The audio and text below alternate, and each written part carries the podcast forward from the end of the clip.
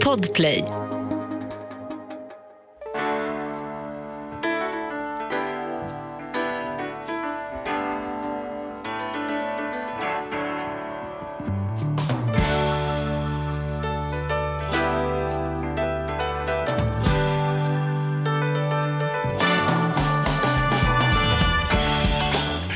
Och hjärtligt välkomna till Ekonomi på riktigt med Charlie och Mattias. Hoppas ni har det bra där ute. Ja, det hoppas jag verkligen. Hur har du det där ute? Nej, men jag har det bra. Det är konstigt att podda. Jaha. Alltså, x antal hundra avsnitt senare så är det ju som att å ena sidan är det ju bara vi som snackar med coola människor och då glömmer man lite bort att vi gör ju detta för tusentals människor där ute. Och Vi blir på riktigt som ett vardagsrum att vi glömmer bort det. Ja, ja. Och ibland känns det precis tvärtom. Samtidigt också som att man pratar rakt in i ett svart hål och inte har någon aning om vad andra människor tycker där ute. Liksom fördröjningen jämfört med att ha en publik framför mig som nickar eller sitter och börjar ta upp mobilen. Då fattar man direkt sen nu är jag rätt, nu är jag fel. Mm. Här är ju fördröjningen, tre månader senare får man någon stapel som sa bara, "Ja, men de tyckte det var intressant med politik. Liksom. Ja, men det är ju... Hur känner du? Jag, jag, jag, känner lika, för jag lyssnar ju själv på poddar. Och Mm. för mig blir det ju sådana här moments. Jag kan, när jag hör något väldigt intressant i en podd så kan jag komma ihåg vid exakt vilket ställe jag var när jag hörde Ja, det pratar vi om, att du Det har här vi pratat om. fysiskt, Ja. ja. Så att då kan jag dra. Mm. mig till minnes det, att den där platsen så sa någon något kul eller något Mm. intressant som jag inte visste om. Eller så här. så att jag tänker att det, man hoppas att man kan ge samma upplevelse som jag brukar få. Mm. Så att det är väl fantastiskt. Har du några serier på gång förresten? Nej, det har faktiskt varit tunt med det. Jag har varit mycket i Spanien och sen var jag, har jag varit borta på andra grejer. Så jag har varit hemma så lite den senaste månaden så att jag på riktigt fick tänka till lite häromdagen vad jag har för portkod. Ja men det är bra. Och, och, så att så lite har jag varit hemma. Och det gör ju också då att jag vågar inte sätta igång nya serier för att jag tänker att är de bra då vill jag ju se dem med Andrea. Mm. Och är de dåliga, ja, då vill jag inte se dem. Nej. Men du har alltid bättre Call Saul för den är du väl inte klar med? Nej, den, har jag, den är vi inte klar med. Nej. Andrea, Andrea försökte dra igång, vad fan var det? Den här jättestora nu som han... Ah, gud, det här var dåligt. Han, den är någon sån här zombie-serie som är störst på hela Ja, ja, ja, världen. precis. En av oss. En nej, heter den inte. Nej, Eh, Among us, heter den? Nej. Ja, ja, jag vet vilken du menar. byggd på någon tv-spel Ja, och grejer. Så ja, ja. Såg första avsnittet, det var skittråkigt. Så jag sa till henne så här, den här kan du få plöja själv. Det var inte min liksom. Mm. Jag gick inte igång på det. Och så såg hon två, tre avsnitt till och sen sa hon så här, vet du vad, du måste, jag pausar nu. Du får kolla, jag tvingar dig att se två till. Sen får du fatta beslut för det blir bättre. Liksom. Så så där kan vi ha det. Man liksom går loss på en serie och så dannas tillsammans. Du kör ju nästan alla dina själv va? Du och Malin kör inte jättemycket ihop. Ja, men vi har både och. Vi har ett, Ja. ett gäng serier som vi ser tillsammans och sen har jag ett som är alltid någon på gång som jag ser själv. Mm. Så är det. Men nu, nu ska vi inte prata mer om oss. Vi har en, en gäst som bara sitter och strålar här. Ja, det gör hon verkligen. Ja, men det Ja. gör hon faktiskt. Och det ska bli otroligt kul att prata med henne. Så nu får du göra den här eh, introduktionen. Hjärtligt välkommen till en av Sveriges coolaste, bästa, mest kända greenfluencers, nämligen Annika Sundin.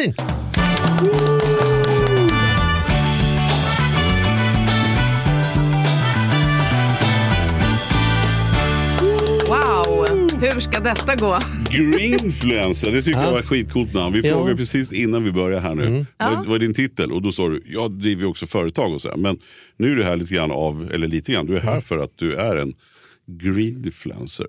Exakt. Berätta, vem, vem är Annika? Annika är en kvinna i, eh, vad ska man säga, är det mitt i livet? Låter ju hur tråkigt som helst. Jag är 47 år och är... eh, Kommer du ihåg när du var 47 Mattias? Det var tider. Ja. Jag är inte längre småbarnsmamma. Jag har två döttrar som är 10 och 13. Och eh, när 13-åringen låg i magen så vaknade jag upp och kände att vad håller jag på med? Hur lever jag?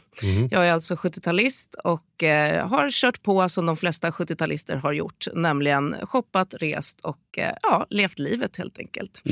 Så att, Vad blir man ehm, då? då? För, då för, för 76 typ är du född? 75 är jag född. 75, ja. Mm. Och då kände jag, mm, ja, jag gjorde en omställningsresa för min egen del. Och började leva så kallat hållbart. Vad nu hållbart är med tanke på hur alla slänger sig med det ordet och vissa säger att det är urvattnat och hit och dit. Men om vi nu kan bestämma oss att leva hållbart är att på bästa förmåga leva så bra som möjligt för planeten, både klimat och miljö och även för sig själv. Så att den resan har jag gjort. Och eftersom att jag också jobbar med kommunikation så kände jag, hur kan jag påverka det här? Så det är det jag gör just nu som greenfluencer. Så för fyra år sedan så startade jag ett konto som heter Medveten i stan. Där jag egentligen visar min vardag och mina vardagshandlingar i stort och smått där folk får reda på att det är viktigt, roligt, härligt, enkelt och bråttom att ställa om. Mm. Men du säger att du, du gjorde en omställning. Ja. Kan man säga att, att, att det är så att man, det finns ett datum när man inte är omställd och sen finns det ett datum där man är omställd? För du, du pratar inte om det som att, jag förstår att det är på sätt och vis en ständigt pågående, men det är ändå som du ser det som ett stegskifte. Jag gjorde på ett sätt och sen gjorde jag på ett annat sätt och sen kan du peka på det datumet. Från det här datumet var jag omställd. Nej, så kan man väl kanske inte riktigt säga. För det här, alltså det är ju så, om vi tänker på vardagen för oss alla, så mm. gör vi ju så många val och så många olika aktiviteter och saker varje dag. Mm. Och inom alla de här områdena så kan du ju ställa om. Du kan ställa om inom transport, inom mat, inom placeringar, inom alltså allting du gör. Mm. Så att det är ju så att man börjar ju någonstans. För Va? mig handlar det om maten. För mig. För ja. någon annan kanske börjar någon annanstans. Och det är ja. det som är så häftigt i hela den här utvecklingen. Det är därför det är så viktigt att vi delar med oss till varann vad det är vi liksom dels har börjat ställa om eller vad som kanske har börjat skava. Eller, så, att, så att vi kan dela saker med men, men det handlar mycket tycker jag, för att jag håller, med, jag håller med dig om att det är, jag tycker det är så jädra svårt. Jag har blivit bättre genom barnen. Mina barn är, jag är snäppet äldre än dig och har barn som är nu 21 och, och 18. Och där min dotter är fantastisk på att ha koll på. Dels hur de, hur de, vad de äter och hur de äter. Och second hand för hela slanten. Och, och liksom lär mig. För det är också det är inte lätt att veta alla gånger. Och det jag tycker kan vara skitsvårt. Det är just det här. Vad är viktigast av det? Alltså att kunna prioritera. För att jag känner att jag kommer inte kunna göra allt. Nej. Men om jag bara får in den här tanken i mig så, så blir det lättare. Jag, jag jag har upplevt sen, sen hon har börjat, min dotter har börjat lära mig grejer, då, då, då, lever jag med det och då mm. kommer det liksom mer naturligt. Men jag får fortfarande idag tänka så här, ja, men om jag ska göra någonting bra nu. Är det att jag ska undvika att slänga den där glasflaskan i vanliga soporna? Är det att jag plockar upp mat som kommer slängas? Är du slänger ju inte mat. Nej, jag det, det vet de som har lyssnat på ja, ja, det. Gör jag bara det har inget med omställning att göra. Nej, jag klarar inte av att slänga Nej. mat. Det mm. måste tas rätt på. Mm. Nej, men, men bilen. Jag flyger till exempel inte alls i närheten av vad min kollega här. Han, han är till och med nöjd med alla Spanienresor han gör och, skitar ner hela världen. Och jag då åker en bil, elbil. På landet så har jag så här solceller. Och jag tycker jag håller på med, sen jag inser i alla fall att jag liksom inte kommer på mig själv. Jag tycker det är skitsvårt. Det är svårt. Det är inte lätt att uh, vara människa fan, idag. Fan vad jag lät bitter nu. Nu lät jag vansinnigt bitter. Men för dig säger du så här, för dig har det varit maten. Är det, är det, ska man liksom försöka fokusera på någonting? Eller ska man... För jag började med investeringar. Mm. Du började nog med transport, skulle jag påstå. Mm. Det kan man säga var din shoe in. Det blev elbil, det blev liksom solpaneler och liksom den grejen. Ja, och för mig började det ju med att gå över till impact investment. Inte bara liksom att göra saker, ta bort porr och, och liksom, eh, kol och sånt där, utan gå hela vägen till att jag investerar bara i sånt som faktiskt har en positiv effekt. Mm. Och för dig var det maten. Mm. Är det liksom den första huskuren här, att ta dig inte an omställning, ta dig an att ställa om en grej?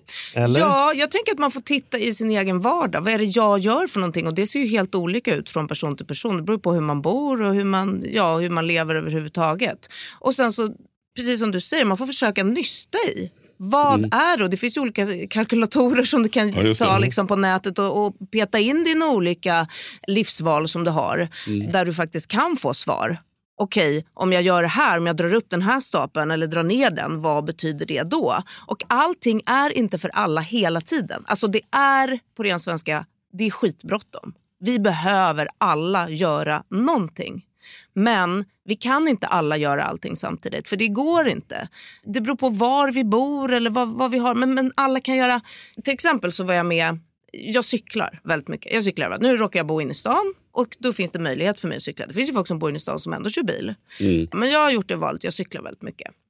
Och då var jag med i en intervju i en tidning som sen postades på ett Facebookflöde och folk blev helt vansinniga över att jag sa att det är möjligt att cykla på vintern.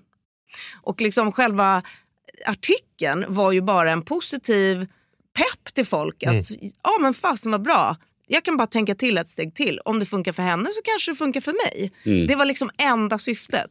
Och så blev folk jättearga. Det var så här, jag bor i skogen där och där och jag har sju barn och jag kan inte... Ja men då kanske inte vinterkyckling är någonting för dig. Det kanske finns någonting annat som du kan göra. Mm. Eller så ser din situation annorlunda ut om fem år. Då kanske det kan vara någonting. Så det viktiga är ju, precis som ni säger, ni två har helt olika områden från mig. Att vi liksom börjar dela det med varandra. För att om du har liksom kommit någonstans i ditt område och du någonstans i ditt område. Då har ni lärt er någonting på vägen. Och det viktiga i det här är ju också en annan parhäst som jag har som jag kör med och det är no fun, no change. Alltså om vi ska göra en förändring vill vi inte göra en förändring som är sjukt tråkig. Vem har lust att göra det? Alltså vi vill ju göra någonting som känns kul.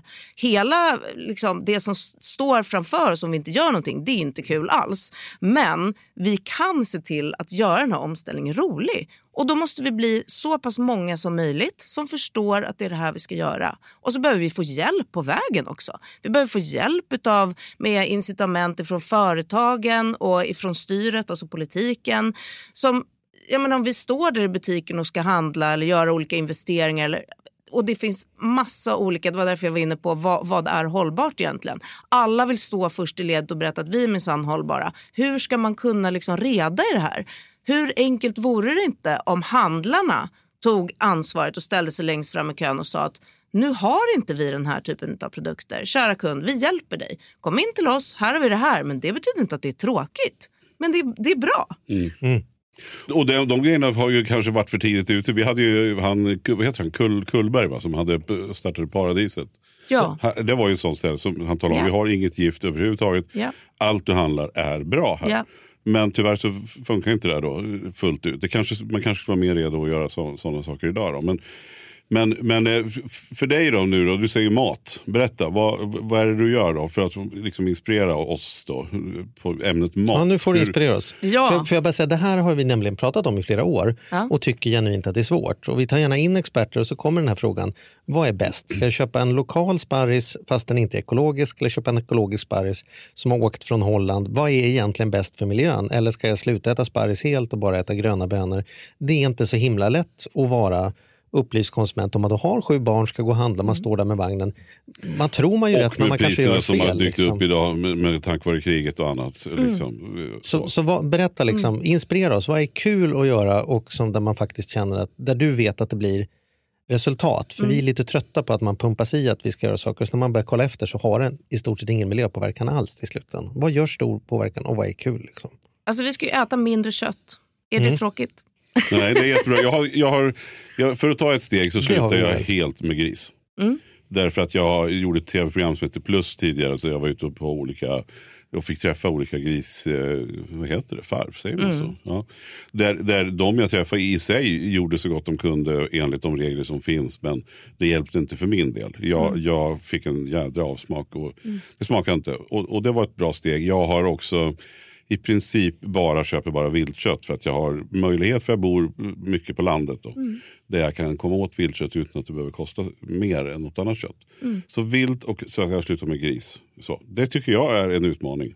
Och ja, absolut, och då, och då har det funkat bra för dig. Det har funkat bra för mig. Ja, och det är ett klokt val. Det betyder inte att... För det jag, jag gillar heller inte... Jag säger att jag vill ha styr på ett sätt och det är för att det ska bli lättare för mig som människa när jag går och handlar.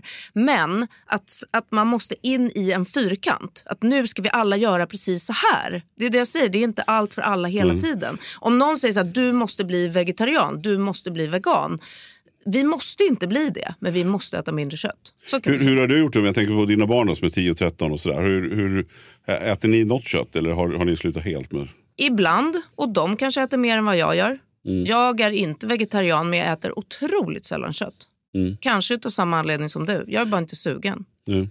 Så där har väl kommit, det, var, det har liksom inte varit något, något avkall. Men man kan ju också göra så att ja, vissa barn går inte att lura, man kanske inte enbart kan göra mat på linser, ja, men då kan man ju kanske ta lite köttfärs, schysst mm. liksom, mm. producerad. Så att man, man liksom... Man är, man, man är lite smart, ungefär som förr i tiden, när man, eller det gör jag fortfarande, när man är morötter och svamp i alla maträtter för att dryga ut. Liksom. Ja, ja, eh, så att man, det är inte benhårt liksom, på allting, men det, det är ett, ett mm. område. Och Det andra är att äta i säsong.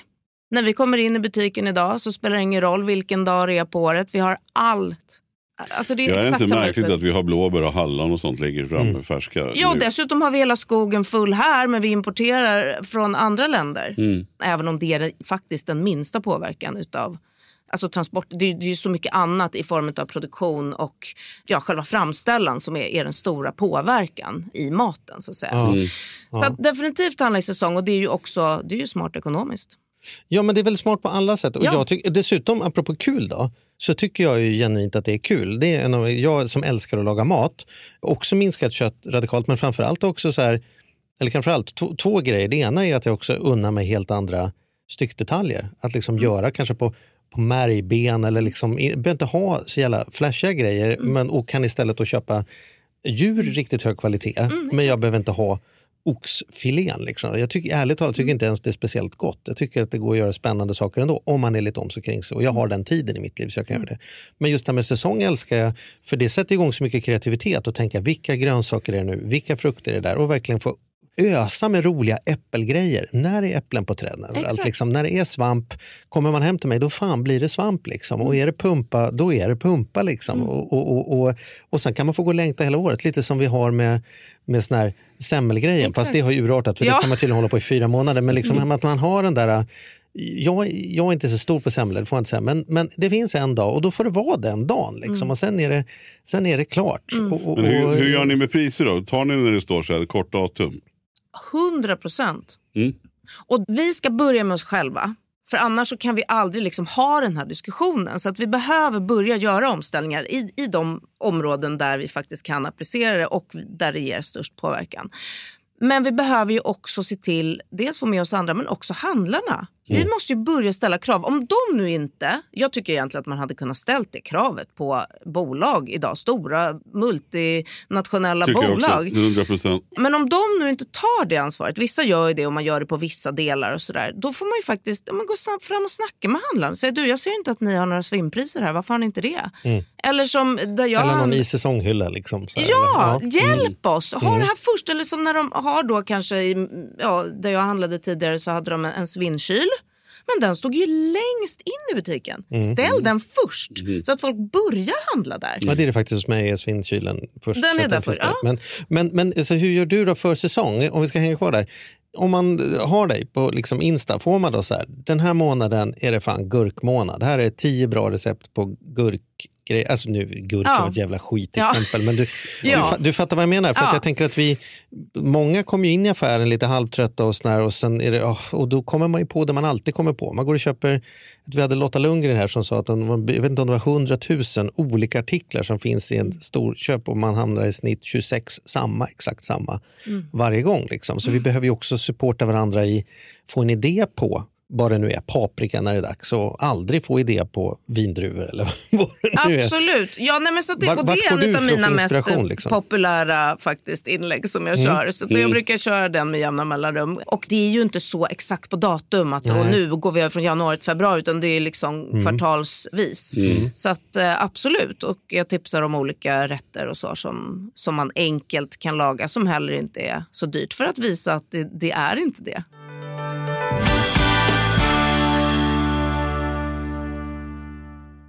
Den här podden gör vi även den här veckan i samarbete med Saveland. Fan vad kul det är att ha dem med ombord. Mm. Jätte, jätteroligt. Ja, vi brukar prata om att man har något band som man såg jag stod Bo Kaspers jädrigt tidigt liksom, innan man gjort tv-debut. Och du har något hårdrocksband som du var jävligt tidig på. Ja, alltså jag var på, på Lilla Teatern Göta Lejon och såg Metallica Ja. 1984. Så gammal är jag. Och jag var i kontakt med Saveland när det fortfarande var typ tre, fyra personer där från början. När jag fick möjlighet att träffa dem.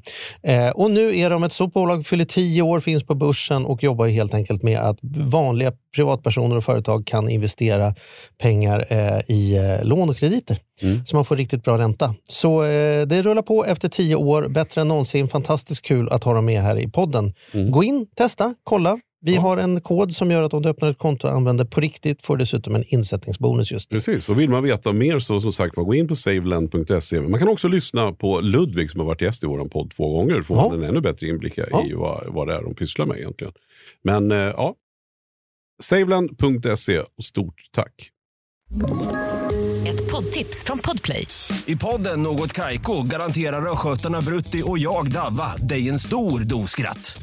Där följer jag pladask för köttätandet igen. Man är lite som en jävla vampyr. Man har fått lite blodsmak och då måste man ha mer. Udda spaningar, fängslande anekdoter och en och annan arg rant. Jag måste ha mitt kaffe på morgonen för annars är jag ingen trevlig människa. Då är du ingen trevlig människa, punkt. Något Kaiko, hör du på Podplay. Därför är gardinerna.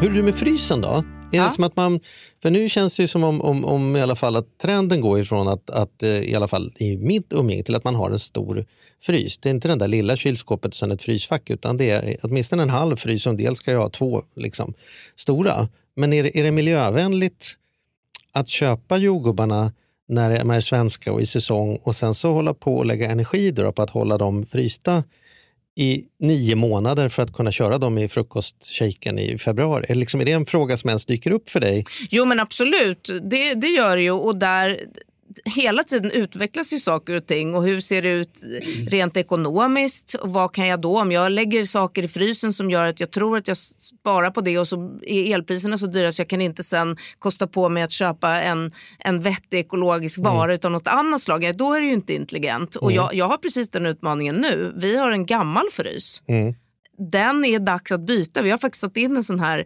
i eh, eluttaget för att se hur mycket drar den. Är det rimligt, precis som du säger, ska jag fylla den med det som jag i och för sig har plockat precis utanför knuten? Men det kanske Men det, det där är svårt. För jag slår ju gärna slag för frysen. För att jag tycker det är perfekt just det här med att man tar fram både ärtor och grön, alltså grönsaker vi, vi älskar ärtor här av någon anledning. Men just att man bara häller upp så mycket ärtor som man vill ha. Så behöver man aldrig, aldrig kasta ja, I frysen någonting. är det alltid säsong. Ja, det är lite så faktiskt. Ja. Så rabarber, ju... vet jag, jag är så glad. Vilken skatt att jag har från kompisar som inte vet vad de ska göra med rabarber. Så bara ligger de i frysen. När på året som helst kan jag en efterrätt med rabarber. Mm. Så jävla gott med rabarber. Liksom. Ja, det är också världens bästa sätt ingenting. för att få mera sylt. Det är ja. ett hack jag har. Att man eh, rör ner rabarber i. Mm, mm, mm, Då blir det mera sylt, fast det mm. smakar inte rabarber. Mm. Jaha, man kan dryga ut sylten. Exakt. Och nästan vilken sylt som helst. Absolut. Du. Men det smakar inte rabarber. Det var ju Nej. dåliga nyheter för rabarber är en av de godaste smakerna som finns. Om man nu vill ha rabarbersylt ja. kan man ju göra bara med rabarber. Mm. Bara de inte är för späda och för... Det måste på lite sötma då annars ja, vrider ja, sig ja, absolut. Ja. Vill ni inte ha rabarber kan ni skicka dem på mail till charlieochmattias.gmail.com. ja. Nej men sen, sen, kan jag också tycka sådär, jag, jag, hur man kommer på sig själv. För på, på landet då så har jag, kom jag på att jag skaffade en eldtunna. Och sen så eldade jag upp soporna bara. som, okay. som man gjorde förr. Men det är väl det sämsta du kan ja, jag, jag vet. Men det här var några år sedan. Men då tänkte ja. jag så här. För glas och metall, där är jag supernoga. Att det slängs mm. alltid. Och även har jag känt liksom hård plast. Men jag tänker man har lite, lite plast och sen all papper som, och kartonger och grejer. Men då har jag eldat upp de där och istället för att ta bilen till återvinningscentralen. Men sen har jag en klient, Isabelle McAllister för övrigt. Kan jag säga. Hon, mm. hon är skitcool och har bra. Och hon var så jävla arg på mig för jag sa nu eldar jag här, det är perfekt. Jag tänkte så här, nu gör jag något riktigt bra här. Men det fick jag veta att det där var inget bra alls. Nej, grilla i trädgården är väl en riktig miljöförstörelse? Ja, och, men också, jag tänker också elda brasan. Jag, jag, jag, mm. använder, jag har knappt gjort av med någon el för att jag har en kakelugn. Liksom. Mm och älskar att elda. Men det där är inte heller helt nyttigt när man, när man skickar ut den. Men då tar jag i alla fall, jag köper inte veden, jag, jag tar den från skogen. Så det är ändå...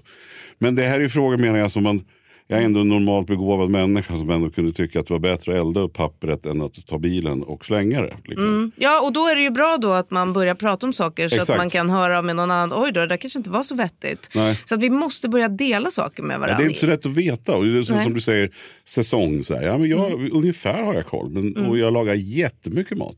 Men det mm. är skitsvårt att, ja. att veta.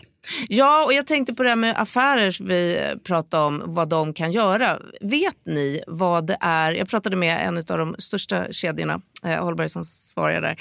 Vad är det som avgör? Vilken typ av produkter som avgör var vi handlar? Eller vad, vad är det som avgör var vi handlar? Du menar att det finns en, en sektion som kvaliteten på den liksom driver in? Mm, snarare priset. Priset på någonting. Ja, det som alla brukar tjata om är vad kostar smöret, vad kostar mjölken? Tänk om man säger mejeripriserna då? Det är killgissning här. Vad säger du Mattias? Ja, jag hade också tänkt Potatisen? Nej. Det är kött.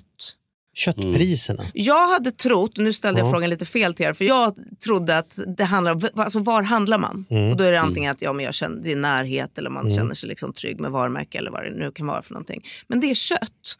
Och då är det så också att om du väljer att gå till butik X för köttet, för det är billigt den här veckan, då handlar också allting annat där. Då handlar hela din kasse. Så det betyder att handlaren då förlorar hela din dagshandling eller veckohandling. Så därför är det fortfarande utifrån handlarens perspektiv, det är köttet som driver. Mm. Så vi skulle behöva liksom... Och då ska det vara billigt kött ju. Då då, för Ja. Det är det som driver, inte att det ska vara kvalitativt Nej, utan exakt. att det ska vara... Så det blir, det, hela ingångsvärdet är liksom... Eh, ja, vi behöver bara vända på hela. Och samma sak, jag tänker på mat igen. Vi kan påverka jättemycket hemma, men vi är ju också personer som vi jobbar troligtvis någonstans. Vi är med i olika föreningar. Det finns ju bolag som till exempel säger så här, men varje gång vi har konferenser eller att vi bjuder kunder eller någonting, vi kör vegetariskt. Vill du ha kött, då får du välja det. Istället för att det är tvärtom. Att här serverar vi kött och vill du ha vego så får du liksom välja det. Mm, Vi hade, ju den, vi hade ju den leken för något år sedan. Nu, nu lever det naturligt, men att när man är på restaurang, att börja läsa. Just man läser det vegetariska först. Just det. För annars har man en tendens, eller var tidigare, läser köttet eller äter fisken och hittar inte något där och sneglar på det vegetariska. Lite det. så istället. Bara, Bara få lite bara, bara för en nudging, lek. lite Liksom, hjälp. kolla, hittar jag något där som liksom någon, någon svamprisotto som, som låter kanon. Liksom. Exakt. Karl Johan, risotto, timjan. Bra, jag kan sluta läsa det. Jag behöver inte läsa det andra. För att det, där Smart lät, tips. det där lät perfekt. Liksom. Det ska jag det, tipsa det om. duger. Liksom. Nej, men, men, men alltså, det, och just skolor som går i bräschen för det här. Min dotter går på globala gymnasiet där de ju bara har haft väggmat. Yes. Det finns inget annat alternativ. Liksom. Och hon älskar det och är nu, ja inte hel väg, hon käkar lite fisk och skaldjur och sådär. Men, men i princip då. Och, och blir inspirerad och tar liksom bilder på maten som gör att vi får feeling. Och så här, bara, det här ska vi testa. Visst ja, det går ju faktiskt så. Ja, vad det nu är. Så att det Jag är, ju lite, jag är lite dålig på de här köttalternativen måste jag känna. Att där har jag inte jag... Jag litar inte tillräckligt på den information jag tagit till mig. Så här, sojafärs, som fär, alltså så här, vad är det jag får i mig då? Så pratar man om att det här är jävligt skadligt och inte bra för miljön heller. Fast den här färsen har jag sett någon influencer hoppas den kanske är bättre. Alltså så här, Då blir det hellre att jag tar inte alls eller så tar jag en högkvalitativ liksom, ekologisk färs på riktigt kött när jag väl gör det. Därför att såna här liksom vegohamburgare och vegoköttbullar och vegofärs och de grejerna är liksom... ehm, Fast Ja, det jag- ligger jag- ju jag- lite på ditt ansvar att försöka ta reda på det. Ja, men nu har jag ju hjälp här. Hur, ja, men det är, ju, det är ju återigen, det är inte helt lätt. Jag skulle handla en, en eh, typ av sojaprodukt. Och det enda jag kände var att jag vill inte att den ska komma från Brasilien eller annat där man bränner ner skog för att plantera monokulturer. Jag är inte intresserad av det. Och jag stod och tittade på den här förpackningen. Det stod inte ursprung. Mm. Jag letade på det så? Nej, det ska man inte ha. Ja. Men ja, jag har också varit lite involverad i Äkta Vara nu. Som är en organisation som försöker lyfta upp. Det handlar ju också om kommunikation. Mycket av det här handlar om kommunikation. Antingen är det greenwashing, att bolagen förhäver sig. Eller så talar de inte riktigt om hur det är för att de inte vill berätta. Eller så är de inte riktigt tydliga med vad de gör för att de inte vågar. Alltså det är en lite konstig tid här just nu och man, det är svårt att navigera i det. Men hela Äkta Varas verksamhet går ju ut på, okej när du tittar på en produkt förstår du vad det är i. Mm. Och tyvärr i många fall så är det ju inte så. Mm. Men då ska ju vi konsumenter, på tal om vad jag nu sitter i för podd, använda vår plånbok och rösta med den i butiken. Nej tack kära företag, jag vill inte handla av dig för jag förstår inte vad det är i. Nej, men sen är det ju också synd tycker jag att du, när det blir en trend på som det ändå har blivit i med, med vegangrejen och filmer från Netflix och massa. Och som är till mångt och mycket bra. Men då, då dyker ju också de här företagen upp som, som kanske är mindre seriösa eller mindre bra och man får betala dels sjukt, men alltså när det blir sjukt mycket dyrare så tappar man ju liksom poängen. Eller köper de här, jag ska, inte, jag ska inte egentligen yttra mig om just produkten men det finns en produkt som heter Beyond, Beyond Meat som gör en massa olika saker. Det körs från USA hit och sen kostar det jättemycket mer än vad en vanlig, alltså per kilo. Liksom. Och då är det bra på ett sätt men ja, det är, det är svårt. Jag håller med dig. Men då, det är ju sånt där man lär ju försöka ta reda på. Då. Och sen är det ju nytt. Alltså det, det, det finns ju väldigt mycket nytt på marknaden överhuvudtaget att, att tänka i de här banorna. Men sen så får man ju testa sig igenom. Mm. Jag har testat någon produkt som jag har fått jätteont i magen av till exempel. Ja, då är inte den för mig. Mm. Så att man får liksom... Just det. Ja, det finns en färs som jag vet att min son kom med. Som, som, det var inget bra för magen för honom. Eller? Men jag, jag träffade en eh, hantverksskomakare för några veckor sedan och han gjorde, han gjorde skor. Eller de hade ett ställe där de gjorde skor. Från början hade de gjort skor just för folkdansskor. Liksom, därför att det behövde vara en viss typiskt dig modell. att träffa någon, någon jävla hantverkare som gör skor. Det, Ja, men jag var på jag ett museum där det var en utställning. Ja, det var tycker roligt, sånt men jag är bara imponerad. Ja. Det var folk som gjorde liksom, rockar av gamla sängöverkast och mycket återbruks. Ja, I like. I centrum. Men, då- och då pratade vi om detta. Vad kostar ett par skor som han gör? Då använde han några så gamla enduro-däck så att han återvann det och använde det i sulorna och skar till. Och sen hade de en speciell garvning. De använde en del av djuret som annars slängs, som de gjorde skinnet av och de hade mindre kemikalier och grejer. Men då kostar också ett par skor, om jag kommer ihåg rätt nu, 18 000. 18 000 för ett par pjuck. Och då sa jag så här, jo. Det är inte 18 000. Jo. Och då frågade jag honom, liksom så här, men, men hur stora produktioner skulle du behöva komma upp i för att vi skulle kunna komma ner i kanske 1800? Liksom, eller 28? Och då sa han, nej men det, det gör vi nog inte. Det handlar mest om, liksom, det kostar så mycket. Med, och då, då sa han någonting som, jag, som studsade i mitt huvud.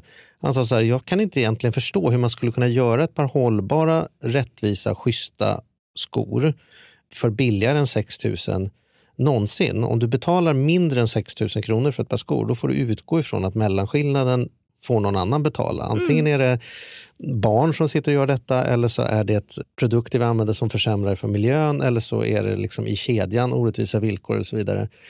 Och då blir också så här, när han säger 18 000 för ett par schyssta skor och sen så kan jag köpa dem när jag är på ICA till Primus, ett par gymnastikdojor för 149 kronor, liksom, för han har slitit ut de gamla. Ja, men då blir, förstår jag att för 99,9 procent av alla människor så är det ju inte tänkbart att lägga 18 000 på ett par skor för att de ska vara hållbara. Så det där är ju också... Så är det med mat också. Det går ju förstås inte att få en schysst middag här liksom, som på riktigt är schysst för de pengarna som man kan köpa i en del billiga affärer. Utan då är det ju någon annan Absolut, det är alltid någon som betalar. priset. Liksom. Så är det ju. Och det, jag, Vad tror att också, ja, men jag tror att vi, och vi är för långt ifrån produktionen. Mm. Vi förstår inte vad det är som krävs. Jag började faktiskt att eh, odla i somras. Mm. Och eh, jag har inget tålamod överhuvudtaget så egentligen är jag helt, helt fel person. Men det visar ju också att det går. Och jag har fått sån oerhörd respekt för mat. För att det är så mycket du måste hålla på och plocka och fixa med för att det ska bli någonting. Mm. Och det där tänker inte vi på. Vi bara rycker en låda liksom. Och det är ju samma sak med, med kläder. Det klicka hem, klicka hem, klicka hem. Och nu har det ju kommit fram och det har avslöjats hur eh, de här kedjorna beter sig i form av folk bestämmer hem liksom tio olika plagg och tänker man att jag skickar tillbaka nio. Och vad händer med dem? De eldas upp eller läggs på deponi någonstans. Hur gör du då? Köper du second hand? Endast. Mm. Nej, i princip endast. Mm. Jag brukar säga second hand i första hand. Alltså, vi ska- börja där. Det är återigen, vänd på steken. Varför ska vi gå ut och köpa nyproduktion när det finns hur mycket som helst second hand? Mm. Vi är så vana vid att bara kunna liksom... Det är liksom, det är klick, klick, klick. Och, och det kan du ju göra även på second hand. Ja, nu kan man ju verkligen göra det. Och det där tycker jag också är just en Jag pratar mycket om min dotter, vi nämnde henne förut här också. Men hon, hon har ju sen sista tre, fyra åren, varav ett av åren hon varit sån här utbytesstudent i USA. Och där trodde inte jag liksom, att hon kom dit. För att här i, i Stockholm så är vi bortskämda med att det finns så mycket second hand-ställen. Lätt att få tag på och sådär. Men då tänkte jag väl i min okunskap att undrar hur det blir hon ska åka till USA. Där finns det nog inte. Men det visade sig att det är ju ännu större. Vilket var skitfascinerande. Och jag tror Så att det hon fick en massa beroende på- bilder därifrån. Ja, det är klart det beror på var man är och hur man är och sådär. Men, men det fanns i alla fall ett enormt utbud. Så hon köpte ju och bara, kolla här, här hittade jag för 9 dollar. Eller för, och, det var, ja, så här. och det är ju häftigt att den generationen, det är inte alla naturligtvis, men det är ju ändå en, en, en stor liksom, rörelse på gång. Det börjar ju ändå hända någonting tycker jag. Men jag, för, jag, jag som då har ställt om, jag förstår faktiskt inte anledningen till att köpa nyproduktion. Framför allt inte när när det kopplas till allting det som du pratade om precis. Ja, men Med- vet du vad, det förstår jag. Och det är inte som att jag ursäktar det, men, men tittar man på hur lite tid människor har i sitt liv så är det ju det. Hittar jag liksom att vi behöver en taklampa och sen så googlar jag och sen hade Ikea 3, den i mitten verkar schysst, jag åker dit och köper den kontra Primus eh, ska konfirmeras ganska snart här. Han är ett år före med det och då tänker vi då är det läge, då behöver han sin första, behöver, men vi tycker han ska ha sin första kostym. Och då är det ju försvinnande lätt att gå ner till MQ eller någonting sånt och prova ut något sånt istället för att vi ska gå runt i 16 myrorna runt om i Stockholm för att någonstans hitta kanske en barn eller liksom ungdomskostym. Och då blir det så här, nej men då, då är det risken då för många, då, då inklusive mig, jag har inte gjort det ännu så vi får se var vi hamnar. Att det blir så här, det, blir, det tar för lång tid, det är för mäckigt. Nu hade vi en eftermiddag och fixa detta och vårt lokala Och sen kommer han ha den där hand-ställe hade inte kostymen det. en gång och sen så kommer han ha växt Det är ur klart, den. han växer ur, han växer ur byxorna. Han, kommer, han har ju för, för långa byxor när han går på morgonen, är för korta när han kommer hem på kvällen. Det, är- det är helt sjukt. Han ska ju ha, mm. lilla in honom i papp hade varit det lämpligaste. Jag, jag berättade det här i en tidigare... Förstår du vad jag menar? Så jag tänker också Ja. tidsfaktor. Vi måste Absolut, öka det- sökbarheten. Ja, ja, jag vill bara säga en kul grej som jag har nämnt i en tidigare podd. Men jag tänkte bara nämna för dig. Vad kul för att vi håller på hemma och vi hade köpt, ja vi behöver byta soffa helt enkelt. Och då hade vi en speciell stol som vi har haft i många år och varit väldigt rädda om. Men vi inser att vi får inte plats med den. Och då är det en viss design, alltså en viss speciell eh, stol. Och då kom den personen, då var det en som ringde till min fru hade satt ut annonsen och så, så kom tjejen dit, eller hon var väldigt snabb på det. Jag tar den liksom. Och sen hon kom så berättade hon att de har flyttat från stan ut till hennes familj, flyttat ut någonstans till Värmdö och eh, till hus. Men de har bestämt sig för att vi köper ingenting annat än begagnade grejer. Och, för, och vi vill inte ha fult för det. Vi vill inte ha sämre. Vi tycker om märken, vi tycker om högkvalitativa grejer. Men det blir bara begagnat. Och det är rätt häftigt här, som ett mål. Alltså jag menar bara att man kan dra likheter med att nu ska jag sätta upp ett mål att nu ska inte jag köpa något annat än second hand under 2023. Eller nu ska vi inte göra det här. Och de ska fylla sitt hus men be- begagnat. Liksom. Och det kan ju också vara en sport, göra det lite lättare kanske också. Att man blir inspirerad av att, att eh, inte köpa nytt. Ja men absolut och jag har gjort precis samma resa nu också. Vi har flyttat och eh, när vi flyttade förra gången så tänkte jag att men de här möblerna kommer jag kunna ha hela livet. och så kommer man till en ny lägenhet och så passar det inte ut av olika anledningar. Så vi har precis gjort så. Och vi behöver ju bli cirkulenter. Vi behöver lära oss att vi ska dels ta hand om, köpa kvalitet, försöka köpa kvalitet. Om man nu köper nytt, ja då kanske du kan verkligen styra det och annars får du försöka ta reda på vad det är för material om du inte köper nytt. Och sen ta hand om sakerna. Och sen se till att det cirkulerar. Att vi inte ska se oss själva som ägare av saker utan användare. För att saker och ting kommer att, att förändras efterhand. Och jag tänker så, åh den här kappan kommer jag vilja ha hela livet. Nej det kommer jag inte. För vi människor är, är förändliga. Paradoxalt nog var faktiskt när jag slutade med bil, det har haft en flerfaldig liksom miljöpåverkan. Dels den uppenbara bilgrejen, men också det här att det komplicerar att få saker hem och bort. Det blir liksom lättare plötsligt att lägga upp någonting på Blocket eller motsvarande eh, än att liksom så här, äh, jag slänger den när jag ändå ska bort till affären. Liksom, utan för då kommer någon och hämtar den och sen tar de bort den om det så nästan är gratis. Så, så, så, så det dyker alltid upp som första alternativet. Det gjorde det kanske förut också, men ännu mer. Och det blir ändå så här, men vem ska konka hem den där? Liksom? Då blir det en gång till. Och sen att bo smått också. Jag bor ju tämligen smått och det är också sån här, var ska vi ha det? Vilket också är en så underlättande sak. Så här. Ja, men det vore väl praktiskt att ha, ha en, komma på någon jävla liksom, hushållsassistent eller sådana saker. Jo, men du vet, det finns inget skåp ledigt. Du får knåda för hand. Till Det där är rätt coolt. Liksom. vi i, i, i trappuppgången, det är bara en sån här oskriven grej som har blivit. Det är som en avställning. När man går upp i trapporna så är det som en avställningsyta där. Mm. Och där ställer folk saker som de inte vill ha. Och i början när vi flyttade in så var det så här, vänta nu, jag kan inte ta det där. Tills man förstod hur man frågar någon. Mm. Så, alla bara, jo men allt som står där. Funkar det bra då? Funkar det bra som helst. Det, är liksom, det dyker upp saker varje vecka men det försvinner lika fort. Det blir aldrig... Alltså, Grannar är en skatt. Och jag tror att vi skulle må mycket bättre rent psykiskt också om vi faktiskt pratade lite mer. Det är ju väldigt mycket ensamma personer. Så att börjar vi dela saker med varandra. Det, alltså det är ju bra på alla, alla sätt. Så att, absolut. Och det, det var det första jag gjorde när vi flyttade nu. Startade en Facebookgrupp. Så att man kan skänka bort eller fråga efter saker. Och vi får inte liksom vara rädda för att fråga. Varför ska alla äga en egen borrmaskin? Eller vad det nu är för någonting. Alltså om vi börjar att inventera våra hem, vad vi har saker som vi inte använder. Det är ju inte bara kläder utan det är prylar. Det är Och, sjukt. Det är galet nästan. och så använder man den en gång kanske om året. Ja det är ju jättesmidigt att ha den där hemma då. Men om man har liksom ett nätverk som man faktiskt kan fråga. Nej, men det, det, och det där i bostadsrättsföreningar eller hyr, vad sjutton det. Men Jag är uppe i, jag har högt i tak hemma, hemma hos mig och går upp i vindsförråden. Det står en stege. En aluminiumstege i varje Mm. I förråd. varje, ja. I varje förråd. Vi behöver inte vara så duktiga så. Vi behöver inte klara oss själva utifrån den aspekten. Men Verkligen jag, men jag tänker det här med också som ni säger att man eh, behöver lägga tid. Och det är så ibland, inte alltid. Men därför behövs också second hand-marknaden differentieras. Vilket den har gjort nu, den är på gång. Tidigare var det ju så att ja, men skulle du köpa second hand, ja, då fick du liksom åka till ett industriområde på obekväma tider. Och du behövde dessutom en bil. Nu har det ju öppnat butiker som har olika nischer, som har schyssta öppettider. Det måste ju underlättas. även på nätet ju, har det ju Absolut. kommit mycket second hand också. Så det tror jag också är verkligen det är, det är grejen. Alltså. Kläder, jag, kläder på nätet är fortfarande ett motstånd för. Jag blir bara besviken. Det, det är liksom, folk är bra på att ta bilder och så kommer det hem så känns det inte som jag vill att... Alltså, jag är fortfarande där. Att ta i grejerna. Alltså, risken då är att kanske- annars jag köper grejer som jag sen inte använder. Liksom. Nej, och då det är ju, då är ju det också fel. Det bästa klädesplagget är ju det som används. Ja. Men då kanske du har någonting, alltså som sagt återigen, inte allt för alla. Du Nej. kanske inte är en jättestor konsument av kläder utan du, Vad är det du försöker säga? du investerar i kloka saker och då kanske det är liksom fine. Ja, utan då har och du större påverkan. Fortsätt, fortsätt, fortsätt. Du är inne på någonting.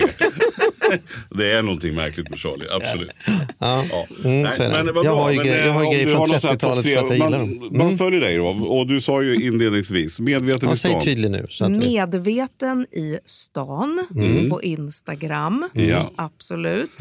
Och eh, väldigt roligt det som ni sa i början där när man sänder podd att man inte direkt har, nu har ju ni ett Instagram också, men det är ju det absolut bästa jag vet att få diskutera med folk. Och det är inte alltid som alla är överens om allting, men oftast är de flesta väldigt snälla på mitt konto. Härligt. Eh, och det handlar liksom om att vi tillsammans kan göra en jäkla förändring. Och bara vi börjar, det, det vi absolut inte får göra, det är ingenting.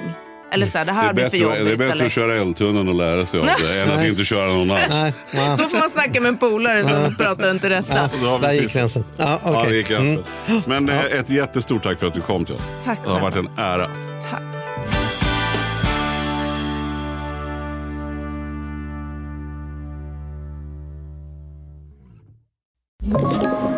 Podplay.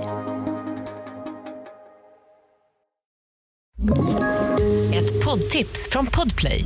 I fallen jag aldrig glömmer djupdyker Hasse Aro i arbetet bakom några av Sveriges mest uppseendeväckande brottsutredningar. Går vi in med hemlig telefonavlyssning och, och då upplever vi att vi får en total förändring av hans beteende. Vad är det som händer nu? Vem är det som läcker? Och så säger han att jag är kriminell, jag har varit kriminell i hela mitt liv men att mörda ett barn, där går min gräns. Nya säsongen av Fallen jag aldrig glömmer på Podplay.